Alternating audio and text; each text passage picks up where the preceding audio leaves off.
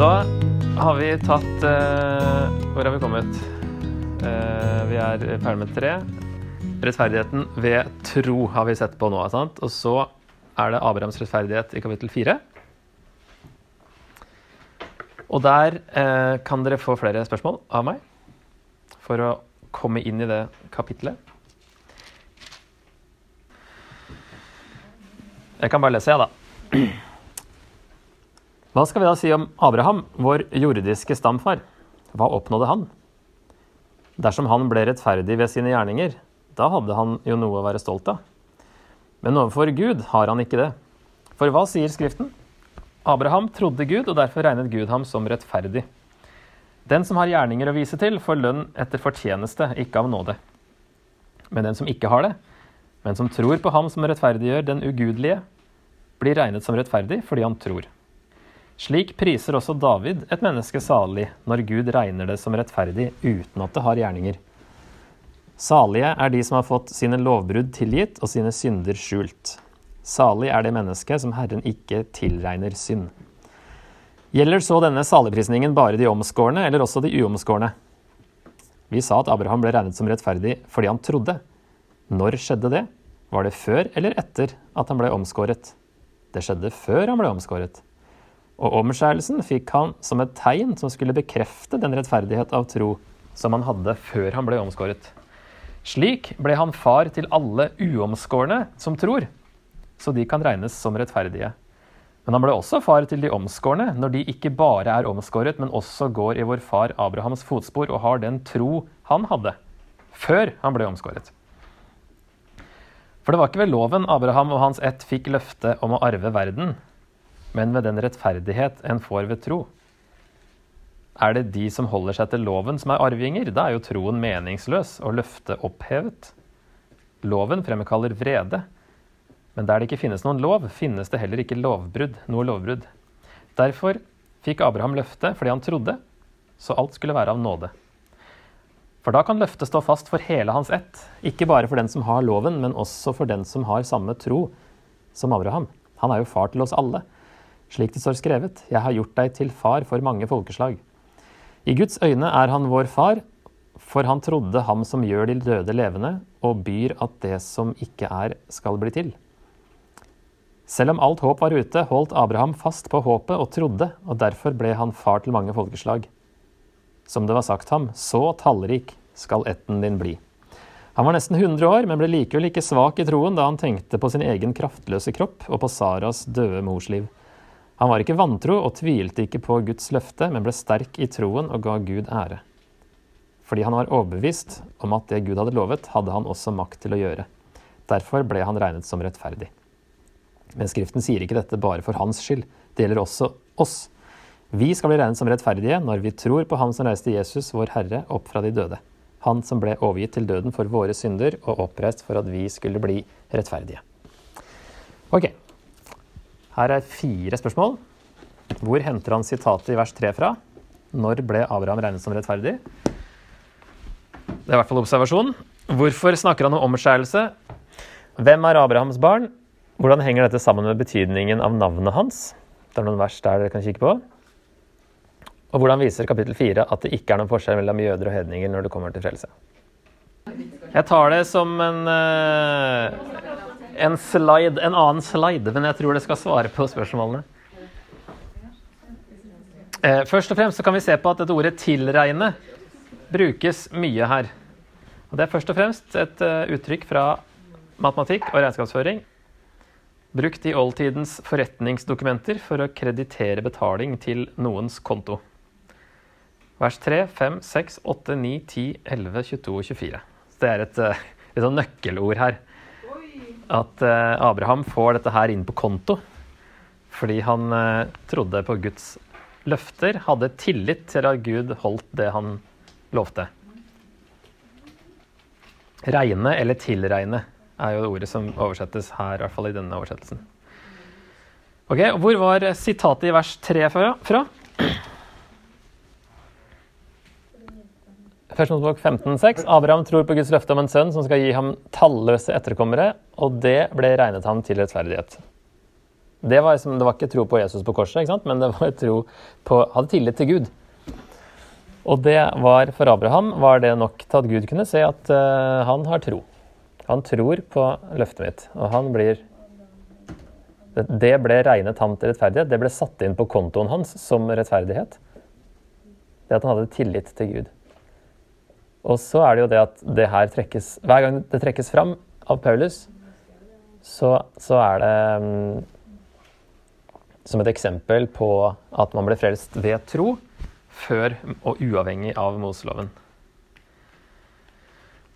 Og så det han sier i vers 10. Når skjedde det? Var det før eller etter at han ble omskåret? Det skjedde før han ble omskåret. Eh, han ble altså rettferdiggjort i Første Mosebok 15. Da var han 85 år. Og så ble han omskåret i Første Mosebok 17. Da var han 99 år. Så det er 14 år imellom og to kapitler imellom. Og Paulus understreker det da at eh, omskjærelsen hadde ingenting å gjøre med det. Den kom lenge etterpå.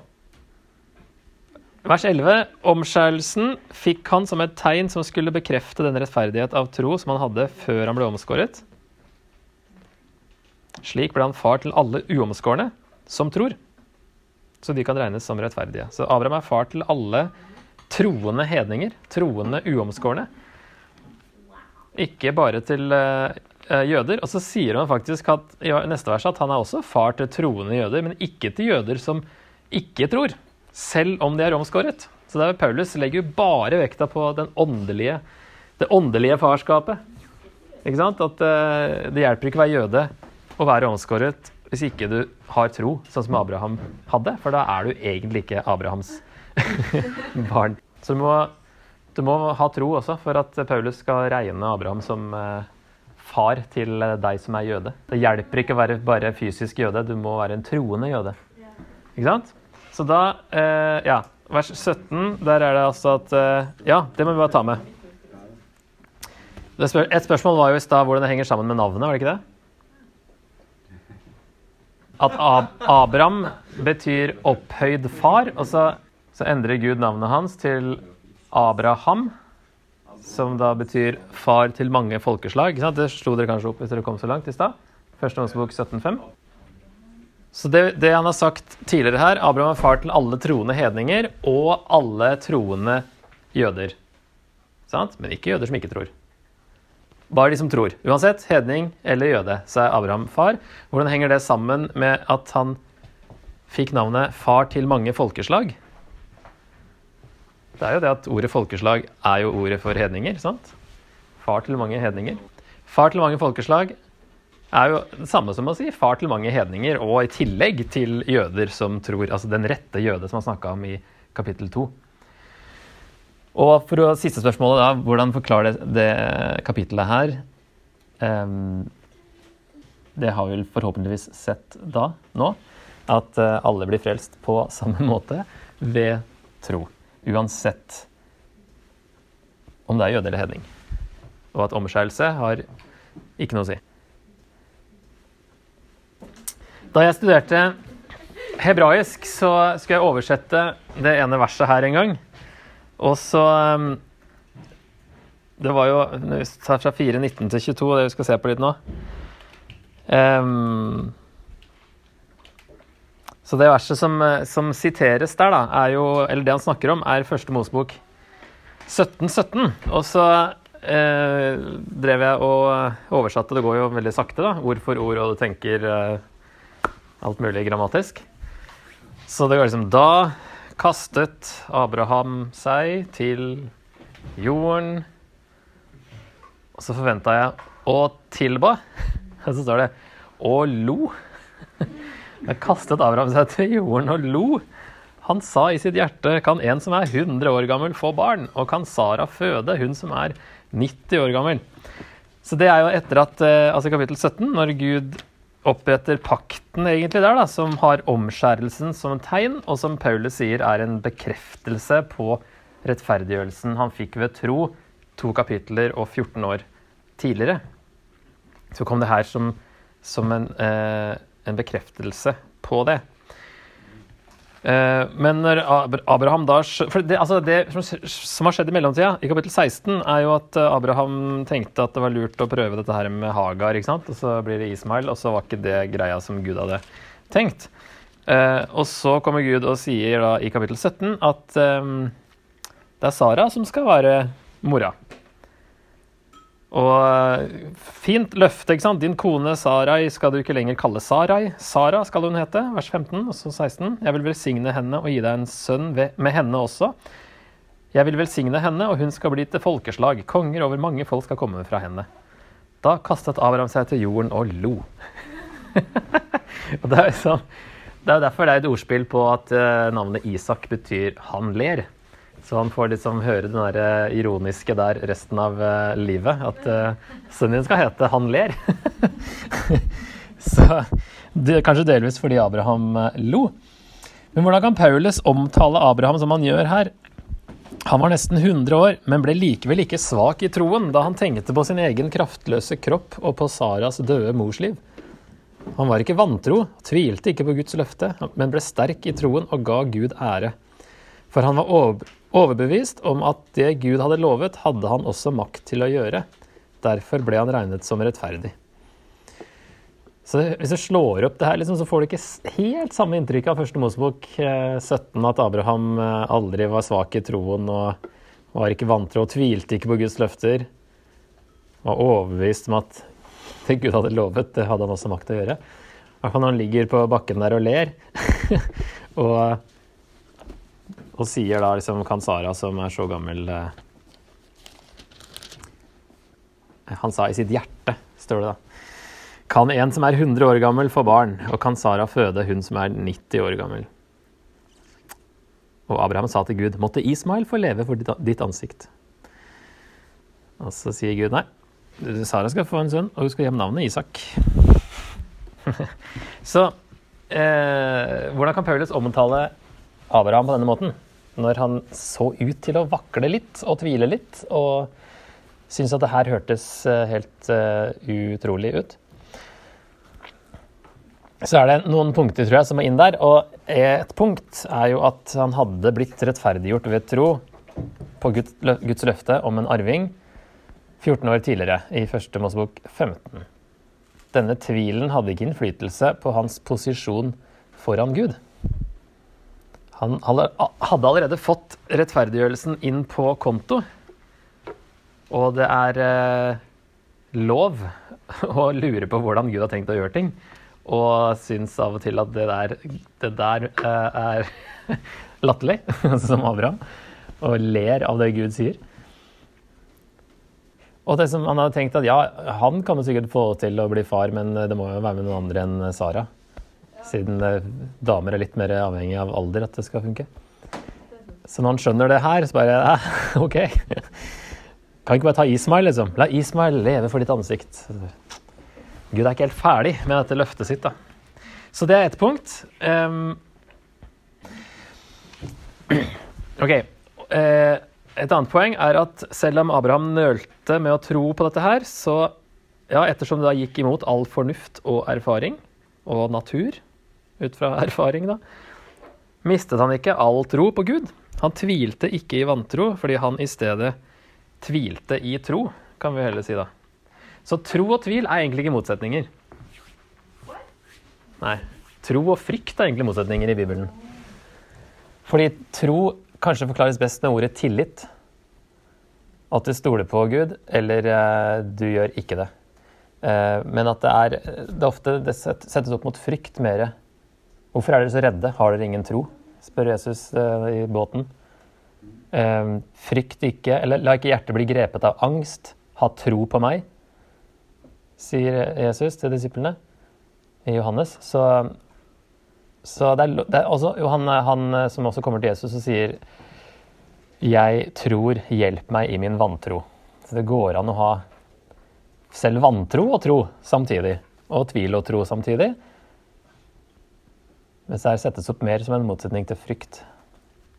Ja, og så en detalj til som vi ikke ser helt i den oversettelsen her, for det står at um, Members Skal vi se Tvilte ikke på uh, Guds løfte, men ble sterk i troen og ga Gud ære. Mens i andre oversettelser så står det at Abraham ble styrket i troen i det han ga Gud ære. Og det kan forstås som at han ble sterk i troen samtidig som han ga Gud ære, eller han ble sterk i troen fordi han ga Gud ære. Det er mer bokstavelig oversatt da, å ha en sånn idé. Han ga Gud ære. At han, det er det som styrker troen hans. Du får ikke helt den samme sammenhengen da, i bibelselskapet sin. Men at det, det, kanskje har noe med å gi Gud ære som gjør at han blir styrket i troen. Enten samtidig som han gjør det, eller fordi han gjør det. For vi er ofte litt sånn uh, Vi kommer straks til det nå, da. Men altså, det er det jeg har lyst til å snakke litt om. At, vi, at da kan det være at vi uh, ser litt feil på hele frelsesgrunnlaget når vi tror at vi må for all del holde troen på et visst nivå, ikke slippe inn for mye tvil, ikke tørre å stille spørsmål eller tvile på ting. Så får vi kanskje svar mange år senere, men, eh, men at eh, Men det er jo egentlig ikke det som er greia. Bare ta um, de, de her eh, siste underpunktene på denne her treeren. At uh, det her med å gi Gud ære er jo det motsatte av det vi så i 1.21, da alle si, menneskeheten ikke ga Gud ære. Og resultatet var tomme tanker og uforstandige hjerter. Så kanskje da, at det skjer det motsatte når vi gir Gud ære. Altså Hvis det å ikke gi ære til Gud førte til at menneskeheten ble uforstandig, så kanskje det å gi ære til Gud fører til at vi vokser vokser i tro, slik at vi kan forstå. Å gi Gud ære selv om vi tviler, er å ha tillit til ham, som er jo det å ha tro på ham, selv om vi ikke forstår alt. Det går an å gi Gud ære likevel selv om vi ikke forstår hva han holder på med, og selv om vi tviler litt på eller skjønner ikke hva, hvordan han skal få det til, så kan vi gi Gud ære uansett i hvilken situasjon vi er i. OK, spørsmål. Er det troen som frelser? Nei, det er Jesus som frelser. Men vi, er, vi, vi blir litt lurt litt der, kanskje? Av nåde ved tro. Og det henger veldig sammen med det her som vi snakka om nå, med Abraham og tvil, og at det er rom i troen. da. Og eh, Jeg må bare ta med et sitat til av Tim Keller. altså. Hvis du tror at troen din frelser deg, vil du slutte å se på Kristus og begynne å se på troen din i stedet. Når du ser tvil, vil det ryste deg. Når du ikke føler det så tydelig, vil det bekymre deg. Hva har skjedd? Du har gjort troen din om til en gjerning. Troen er bare det du tar i, Nei, ja, troen er bare det du tar imot frelsen din med. Det er ikke årsaken til at du er frelst. Hvis du ikke ser dette, vil du tro at du har noe å rose deg av. Grunnen til at jeg er frelst, er fordi jeg tror på Jesus. Dette er en hårfin misforståelse som skjærer bort sikkerheten vår og øker stoltheten vår. Og 3.27 sier at evangeliet ikke gir oss noen grunn til å rose oss. Altså, Den metaforen med, med, fly igjen. da. Altså at Du kan ha så mye tro du vil på et, et elendig fly som kommer til å krasje. Du blir ikke frelst selv om du har kjempemye tro på feil ting. Og du kan ha bitte litt tro, bare akkurat nok til at du tør å gå om bord på et solid fly som kommer til å komme fram. Og at det er det som frelser deg, ikke sant? redder deg. Det er at du har nok tro til at du har tillit til at det Jesus gjorde, det gjelder for deg, og faktisk er det som frelser deg. Da er du om bord med litt tro, men akkurat nok til å tro på det. ikke sant? Ja, veldig bra metafor med det her Nei, jeg har lest den et sted, vet du. Ja. ja så det det er, et veldig bra bilde. At uh, det er flyet som er det vi skal fokusere på. Jesus som, som, tar oss, og som bærer oss. Mens vi må bare ha nok tro til å ha tillit til at, at uh, Gud holder det han lover, og at det Jesus gjorde, det var nok til å frelse oss. Charles Spurgeon har jeg også nevnt før. Han uh, Bra sitat her også. You must give up relying upon your prayers, your tears, your baptism, your repentance, and even your faith itself. Your reliance is to be on nothing but that which is in Jesus Christ. Ikke engang troen din må du stole på. Ikke noe annet. Ikke stole på dåpen, ikke stole på troen. Nei, men det er akkurat det samme. egentlig. Han sier egentlig det samme som det sitatet av Keller i stad. At uh, det er ikke troen som frelser deg, men det er frelst ved tro. Du tar imot. Det er Jesus som vi vet at Jesus frelser, ikke sant? Det er der det ligger. Men så er det Hvis ikke, så vet dere det nå. men, eh, men at det er eh, Vi har lett for å faktisk gjøre troen om til en gjerning også. Og du må bare tro nok. Men det er, kan ikke rose deg av det heller. At du har tro. Jesus har gjort alt. Du bare tar imot, og du har den tilliten til at det der frelser meg.